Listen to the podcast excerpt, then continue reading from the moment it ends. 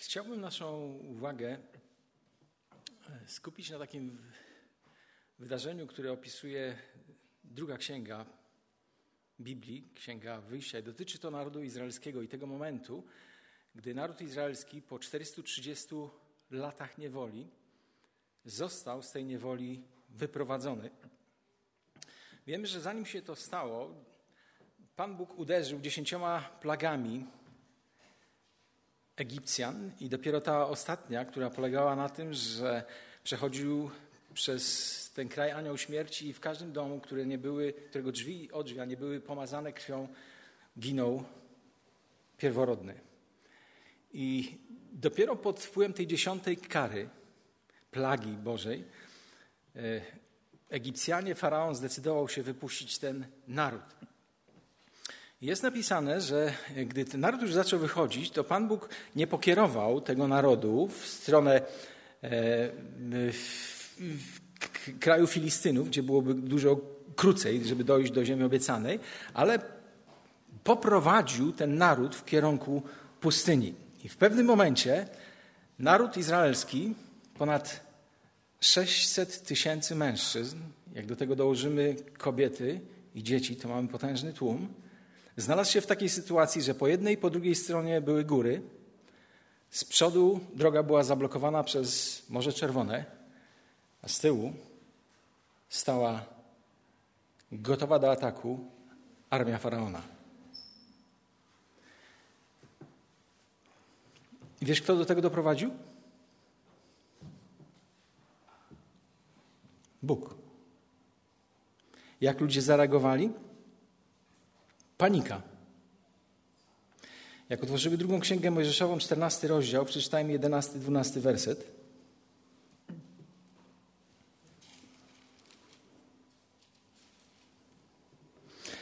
Zwrócili się też do Mojżesza. Czy dlatego, że w Egipcie nie było grobów, wyciągnąłeś nas tu, abyśmy zginęli na pustyni? Co ty nam zrobiłeś, wyprowadzając nas z Egiptu? Czy już w Egipcie nie powiedzieliśmy ci wyraźnie: daj nam spokój? Będziemy służyli Egipcjanom. Wolimy to niż śmierć na pustyni. Czy Mojżesz się bał?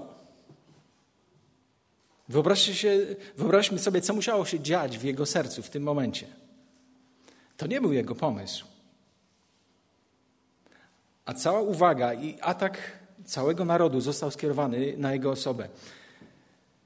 Piętnasty werset tego samego rozdziału mówi: Pan z kolei polecił Mojżeszowi: Przestań już wołać do mnie.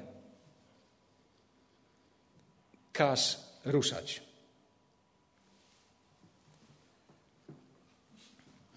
I myślę, że naturalną reakcją człowieka jest, że gdy jesteśmy w takiej beznadziejnej sytuacji, w sytuacji bezradności, to jest nas krzyk, jest, nasz, jest nas ból, ale przychodzi taki moment, kiedy Bóg mówi to, co powiedział do Mojżesza. Przestań już wołać do mnie, zacznij działać. I wiemy, co się stało. Mojżesz podszedł do tego morza. Pan Bóg sprawił, że ono się rozstąpiło.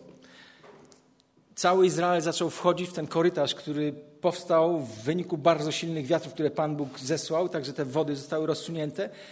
I widząc to, co się dzieje, armia faraona zaczęła iść z tyłu, i w ten czas słup ognia i obłok rozdzielał wędrujących Izraelitów, ten naród, od nacierającej armii faraona. I gdy już doszli do tego drugiego brzegu, jest napisane, że Pan Bóg zaczął sprawiać, że to wojsko zaczęło mieć kłopoty, koła zaczęły odpadać, po prostu ten marsz się zwolnił. I gdy Izraelici już weszli, to w ten czas te wody zaczęły z powrotem nachodzić na to miejsce, w którym były od tysięcy lat. I zginęła cała ta armia. I jest napisane, że Izraelczycy mogli oglądać pływające trupy żołnierzy egipskich zatopionych w wodach tego morza, które z powrotem się scaliło. Jest napisane w 31 rozdziale, 31 wersie 14 rozdziału, jak na to zareagowali Izraelczycy. Nawet jeszcze wcześniej, 31 werset 14 rozdziału mówi tak. Izrael widział, z jak potężną mocą Pan wystąpił przeciw Egipcjanom. Wzbudziło to w ludziach bojaźń wobec Pana. Lud uwierzył w Pana oraz w Mojżesza jego sługę. I 15 werset mówi, wtedy Mojżesz wraz z synami Izraela zaśpiewał mu tę pieśń. Mam pytanie, kiedy Izraelici zaczęli śpiewać tę pieśń?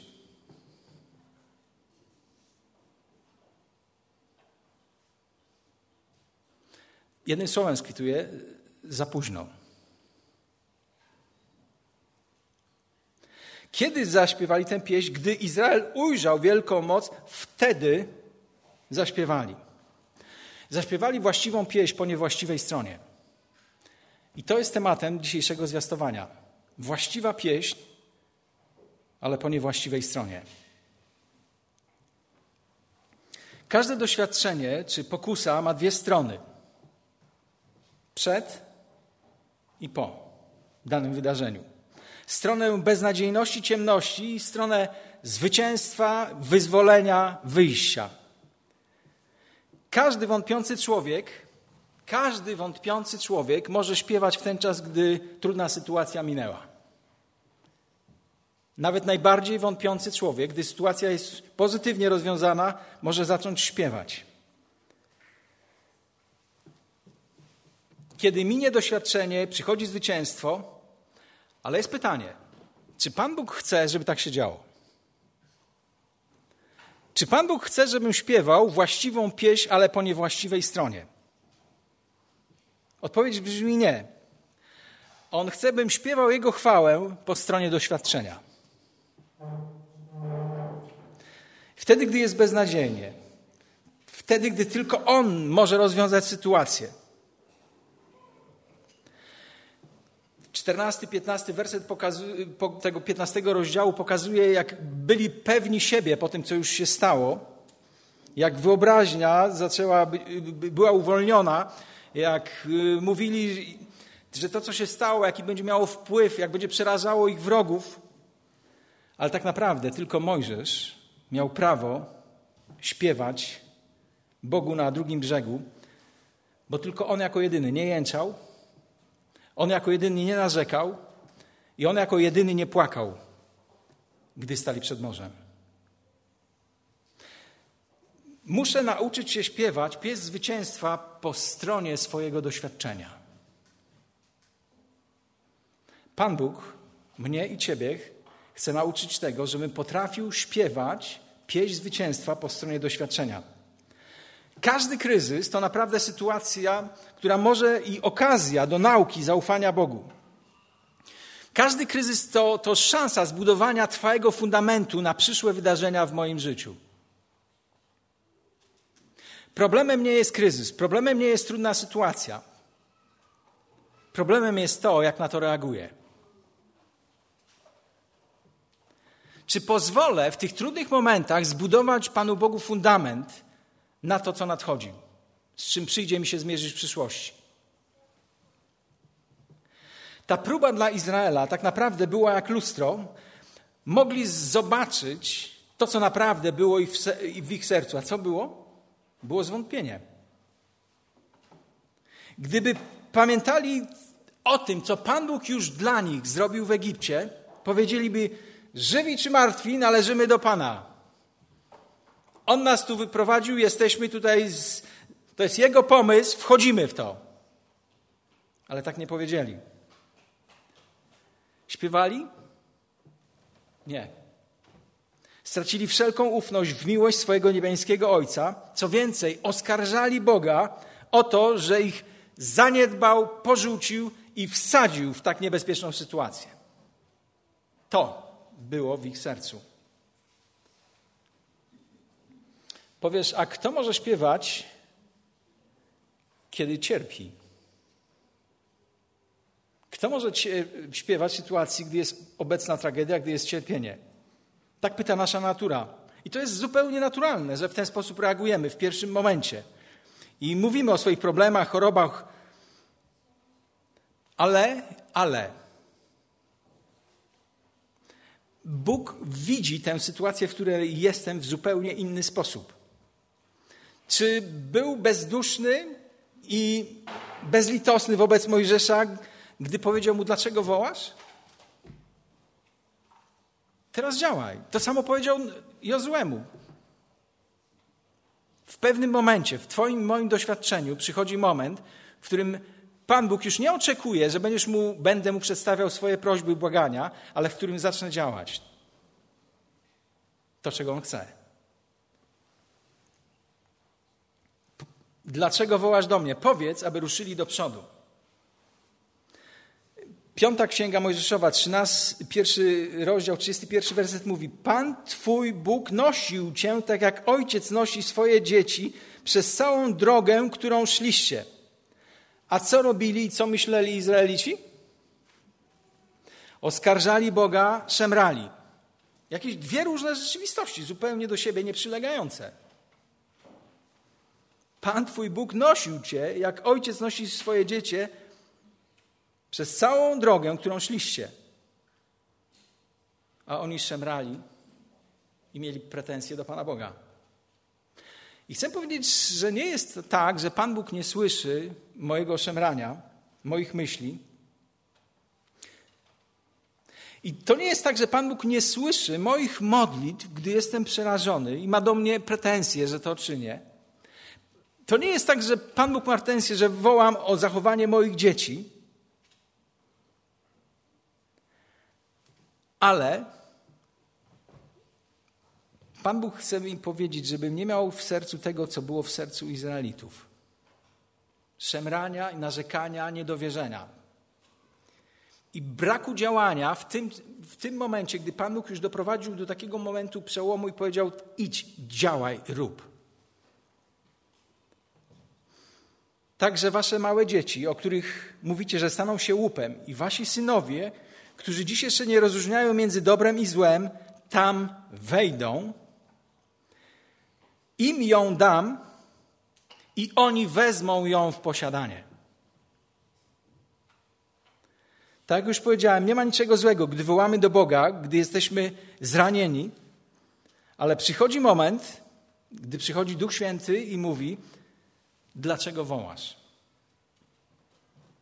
I otwiera się przestrzeń nie tylko na działanie, ale otwiera się przestrzeń na dziękowanie. Pan Bóg pyta, kiedy wreszcie w Twoim sercu zagości wiara? Tak naprawdę on obserwuje tę samą sytuację i widzi ją zupełnie inaczej, i on wie, mając swoje rozwiązanie, że ona naprawdę nie jest dla ciebie i dla mnie niebezpieczna. On to wie, ja tego nie wiem, dlaczego ja się boję. I wreszcie przychodzi moment, kiedy on chce, żebym zaczął patrzeć na tę sytuację z jego perspektywy. A on ma setki, tysiące sposobów, żeby mnie uratować i obrócić to ku dobru, którego jeszcze nie widzę. Dla Izraela to morze to była ściana. Otrzymali wybawienie Boże, śpiewali, ale chcę powiedzieć, że ich pieśń była bardzo płytka i pozbawiona fundamentów. Może zapytasz, a skąd to wiesz i dlaczego tak ostre słowa mówisz o tym, co zrobili, o tym ich śpiewaniu? Wiesz, skąd o tym wiem? Bo patrzę na to, co zrobili trzy dni później. Bo patrzę na to, co zrobili trzy dni później. Znów szli drogą zwątpienia, strachu. Przykryli ten strach, to zwątpienie, tą niewiarę cienką warstwą uwielbienia, oni nigdy nie dali odporu swojej niewierze i swojemu zwątpieniu. Oni go pokryli cienką warstwą uwielbienia i śpiewu. Coraz częściej świat wymaga, zawsze wymagał, ale coraz częściej będzie wymagał od nas pieśni i innego nastawienia w czasie prób, niż to dzieje się w życiu innych ludzi, którzy są w takich samych sytuacjach. Świat wymaga od nas pieśni wśród trudnych chwil. Naród izraelski w niewoli babilońskiej, 137 psalm, 3-4 werset. Żądano tam od Izraelitów pieśni. Czy ją mieli? Nie było w nich życia, była depresja, była rozpacz, była beznadzieja. A ci ludzie, ci poganie chcieli zobaczyć, czy Bóg, którego wyznają, sprawia, że będąc w bardzo trudnych sytuacjach, ciągle wierzą i śpiewają mu pieśń, a oni jej nie mieli. Ludzie się spodziewają i oczekują, patrzą, żeby zobaczyli i chcą widzieć wiarę w Tobie i we mnie, Boży pokój w najtrudniejszych momentach. Ludzie chcą oglądać cuda, gdy jesteś, ja jestem w bardzo trudnych sytuacjach. Chcą zobaczyć w tym momencie zaufanie i śpiew dla mojego Boga, jeżeli jest prawdą to, co mówię o moim Bogu. Takich cudów ludzie chcą dzisiaj oglądać. Ważne zdanie. Twoje zwątpienia muszą zniknąć po stronie doświadczenia, a jeżeli nie, to będziesz nałogowo narzekać. Jeżeli moje zwątpienia nie znikną po stronie doświadczenia, to będę w swoim życiu nałogowo narzekać. Jeżeli nie rozprawisz się ze swoimi wątpliwościami, zostaniesz oddany duchowi szemrania, narzekania. Tak będziesz żył i tak umrzesz. To stało się dokładnie z narodem izraelskim.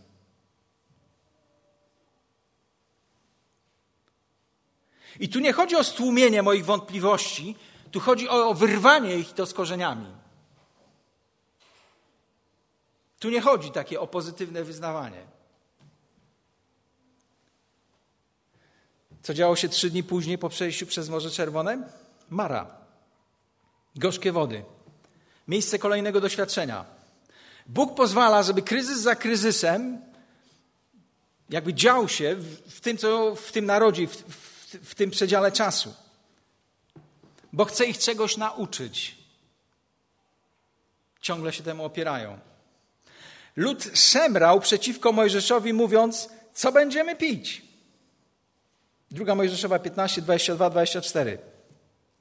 Następnie Mojżesz poprowadził Izrael z nad brzegów Morza Czerwonego na pustynię Szur.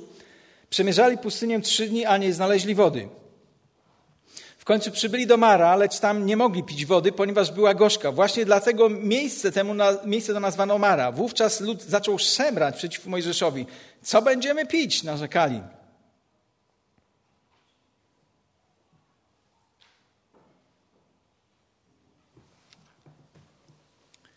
Jak mogli tak szybko zapomnieć o swoim Bogu? Jak można tak szybko, w ciągu trzech dni, stracić zaufanie do, do Pana Boga? Wiesz, kiedy może to się wydarzyć? Oni tak naprawdę nigdy nie mieli zaufania do Pana Boga. Nie można stracić czegoś, czego się nie ma. I oni nie mieli, nie posiadali tego zaufania. Znów oblali egzamin powoli tracili zdolność uczenia się. Zaczęli dobroć Boga przyjmować za coś oczywistego, za coś, co im się należy. W ten sposób zaczęli traktować Pana Boga. Wiemy, że w pewnym momencie kolejna rzecz, z powodu której szemrają i narzekają, nie ma co jeść. Pojawia się manna, pojawiają się przepiórki. Czy dziękowali? Jest napisane, że naród dziękował? Ani jednym słowem. To im się należało. Tak myśleli. A co zrobili zamiast dziękowania? Część z nich nastawiła się na chciwość i zaczęli gromadzić to, co im dawał Bóg. Stali się ludźmi twardego karku. Potem jest kolejny problem, w Maraj i w Meriba. Znowu brak wody. I były te cztery jakby wielkie wybawienia, które Pan, których Pan Bóg dokonał, pomimo tego, że ci ludzie szemrali i dostali jeszcze jedną, ostatnią, ale to już była ostatnia, piąta szansa. Ziemia obiecana. Wysyłają dwunastu szpiegów. Jaką przynoszą wiadomość? Czwarta Księga Mojżeszowa, trzynasty rozdział.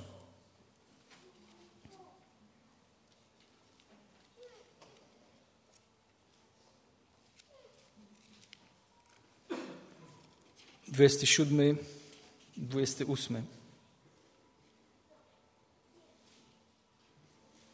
I opowiedzieli Mojżeszowi wszystko po kolei.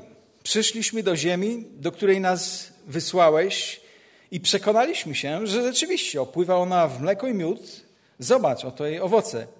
Jednakże lud mieszkający w tej ziemi jest silny, miasta są obwarowane i bardzo wielkie. Widzieliśmy tam także potomków Anaka. W ziemi Negeb mieszkają Amalekici, Chetyci, Jebuzyci, Amoryci. Zamieszkują góry, a Kanańczycy mieszkają nad morzem, a także wzdłuż Jordanu. I jeszcze przeczytajmy werset 31 i 32. Jednak zwiadowcy, którzy jak Kaleb brali udział w wyprawie, twierdzili: Nie poradzimy sobie z tym ludem, jest on od nas silniejszy. W ten sposób rozpuszczali wśród Izraelitów złą wieść o ziemi, którą przemierzali. Ziemia, w której byliśmy na zwiadach, mówili, to ziemia niebezpieczna dla tych, którzy chcieliby się w niej zamieszkać. Jej mieszkańcy to mężczyźni rośli. Widzieliśmy tam także olbrzymu.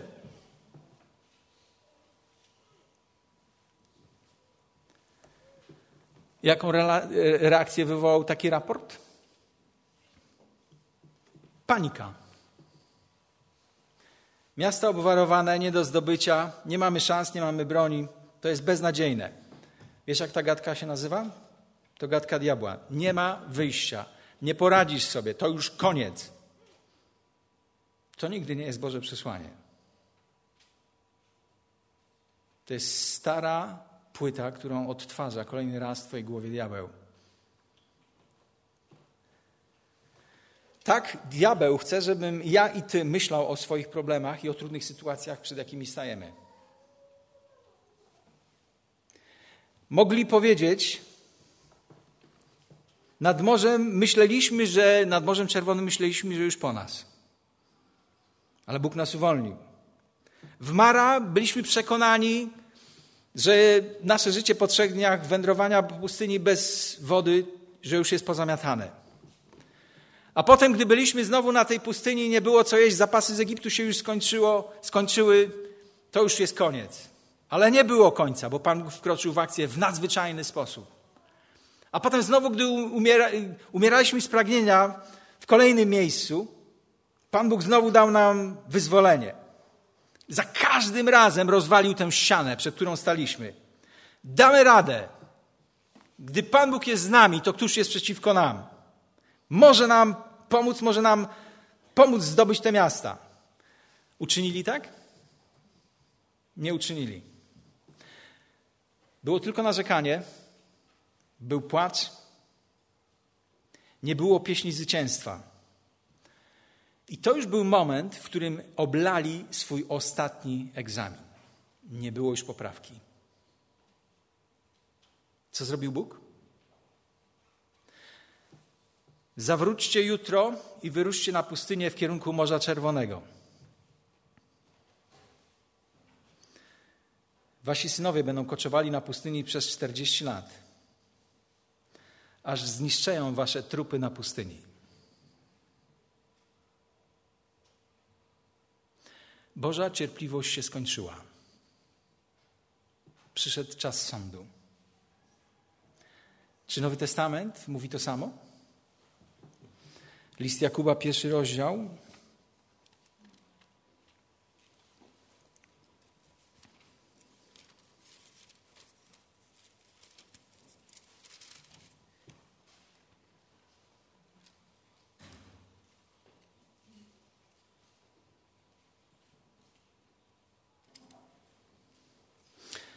Szósty, siódmy werset. Niech jednak prosi z wiarą, porzuci wątpliwości, bo człowiek, który wątpi, przypomina falę morską, gnaną i miotaną przez wiatr. Ktoś taki niech nie liczy, że coś od Pana otrzyma. Dlatego, że on sam nie wie, czego chce, jest niestały w całym swoim postępowaniu. Jeżeli jest takie myślenie, jestem w takim stanie, to Pan Bóg nie daje mi żadnych złudzeń.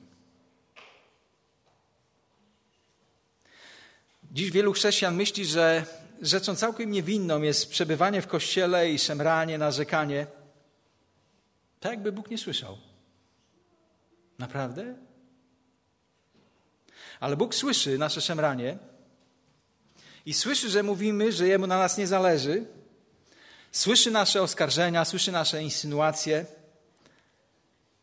To, że się czujemy, że nas zostawił, on to wszystko widzi. Powinniśmy się modlić, żeby Pan Bóg wyplenił, wyplenił w nas te wątpliwości, tą nasze obawy, po prostu niewiarę. Izrael spędził 40 lat na obgadywaniu, narzekaniu, zazdrości, goryczy, ciągle uważając się za dzieci Boże i za naród wybrany. Ja nie chcę tak żyć. Jako Boże dziecko.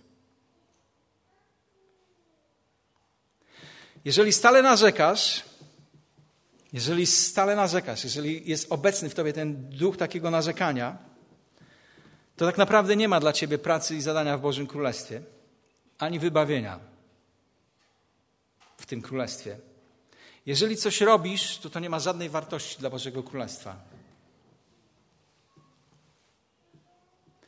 Pan Bóg chce doprowadzić mnie do miejsca, gdzie nauczę mu się słuchać, gdzie nauczę się mu ufać. I gdy teraz się tego nauczę, gdy wstawiam je w trudne sytuacje, to przy, gdy przyjdzie potężny kryzys, to będę śpiewał pieśń dla swojego Boga, a ludzie, którzy będą to oglądali, będą oddawali Bogu chwałę. Objawi się Boża chwała.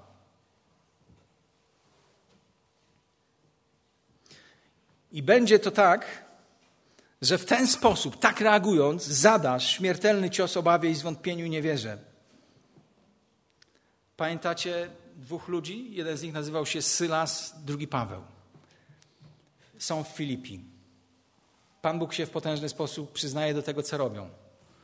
Ale w pewnym momencie, rezygnując z pewnej reklamy, która robiła ją taka kobieta mająca wyższego ducha, zostają doprowadzeni przez pretorów. Jest napisane, że zdarto z nich szaty, zsieczono ich rozgami, wrzucono do śmierdzącego lochu rzymskiego, zakuto ich w dyby nogi. I nie myślę, że w pierwszych momentach, gdy to się stało, to śpiewali Bogu chwałę, ale jest napisane, że o północy. Ja myślę, że trochę wcześniej ich rzucili do tego lochu. Najpierw były pytania. Najpierw był być może żal, ale potem przyszła Boża obecność, Boża świadomość tego, że to jest aranżowane wszystko przez Pana Boga. Wiesz, co zaczęli robić? Śpiewem wielbili Boga, siedząc w tym więzieniu. Jest napisane, że więźniowie, którzy tam byli, przysłuchiwali się temu, jak śpiewali. I wiesz, i gdy śpiewasz pieśń po właściwej stronie dla Pana Boga, to zaczyna wchodzić w akcję i dzieją się rzeczy niezwykłe jest napisane, że Pan Bóg zesłał potężne trzęsienie ziemi. I w ten czas ten stróż, który miał ich pilnować, był u ich nóg i zadawał bardzo ważne pytanie. Co mam, panowie, co mam czynić, abym został zbawiony? Zaśpiewali właściwą pieśń po właściwej stronie. A może to pojedynczy wypadek? Parę lat później Paweł jest w swojej podróży do Rzymu. Jest już pora niewłaściwa do żeglowania i ostrzega ich Paweł, kierując się własnym doświadczeniem, żeby nie wypływali, bo będą problemy. Ale dowódca bardziej słucha kapitana niż tego, co mówi Paweł. Wypływają przez 14 dni, nie widzą słońca, wyrzucają osprzęt, jedzenie, wszystko, co mieli na statku. Są przekonani, że jest pozamiatane.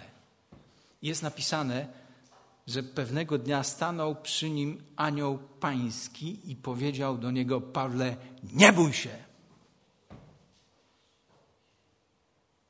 I wiesz, i ten Paweł na tym rozszalałym morzu, na tej łupince miotanej przez te potężne fale, staje na tym pokładzie i mówi im wszystkim, żeby się nie bali. Śpiewał właściwą pieśń po właściwej stronie.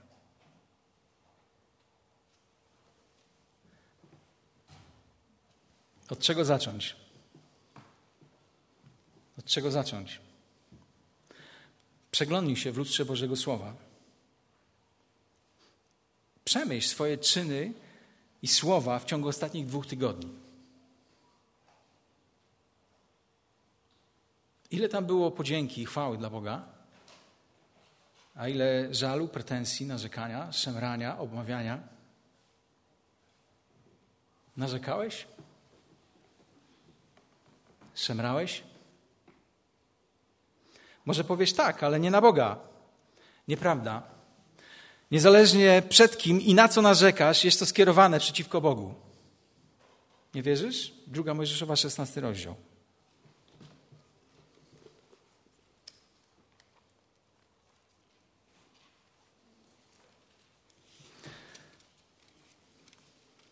Szesnaście osiem.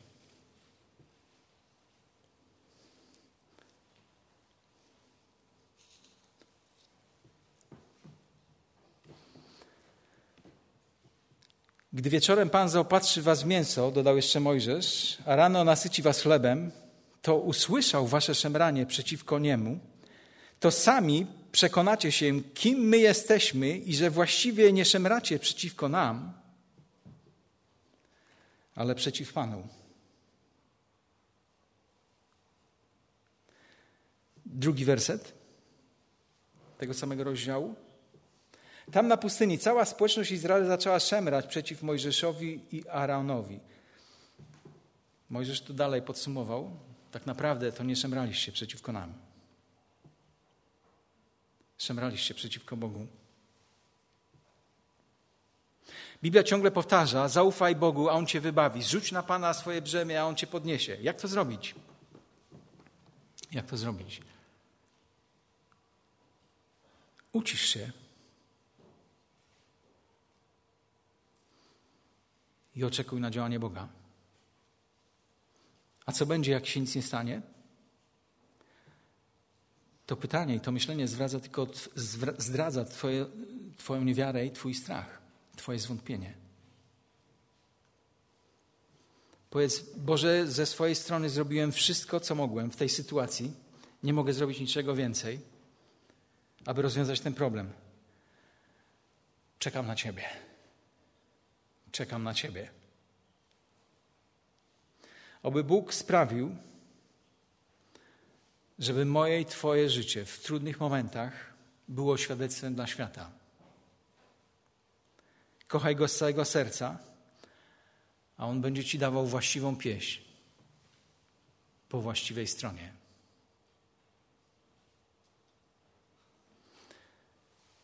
W tym tygodniu umieścimy taki reportaż to jest mój przyjaciel. Młody człowiek, facet, który pracował w klubach, do którego przychodzili zawodnicy Barcelony. Zaraził się wirusem, dwie nerki przestały pracować. I pastor ma na imię Jurek. Lokalnego zboru, gdzieś koło Wałbrzycha, w Bielawie. Głosił w niedzielę tekst z psalmu o tym i zachęcał ludzi do tego, żeby tym słowem, żeby robili dobre rzeczy dla tych, którzy są obok. Następnego dnia stoi i wydaje żywność. I podchodzi ten człowiek, który ma 30 parę lat i każdego tygodnia dializę, bo dwie nerki nie pracują. Rozmawiają przez 5-6 minut. I ten pastor mówi: To ja ci dam swoją nerkę. Za bardzo nie wierzył. Ale jak przemyślisz, to się skontaktuj. Stała się rzecz niezwykła. To nie jest tak, że ktoś ma problem z nerką, ja ci powiem, że dam ci swoją i wszystko będzie pasowało. Czasami próbuje się i szuka jej się na całym świecie. Wszystko idealnie pasowało. A teraz są w jednym klubie i ten młody człowiek, który dostał nerkę, jest trenerem tego pastora, który oddał mu nerkę. Ludzie to widzą i wiesz, co jest oddawane? Chwała dla Boga. Ten człowiek zaśpiewał właściwą pieśń po właściwej stronie. Były pytania? Z pewnością. Wśród najbliższych, wśród żony?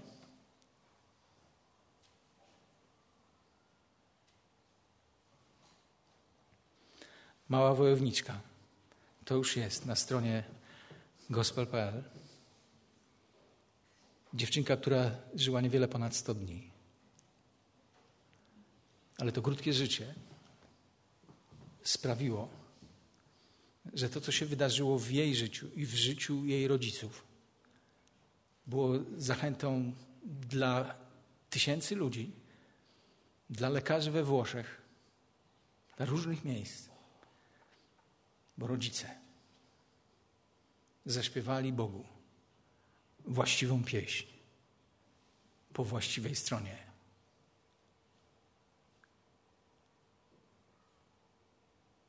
Gdzie śpiewasz swoją pieśń? To ważne pytanie. Amen.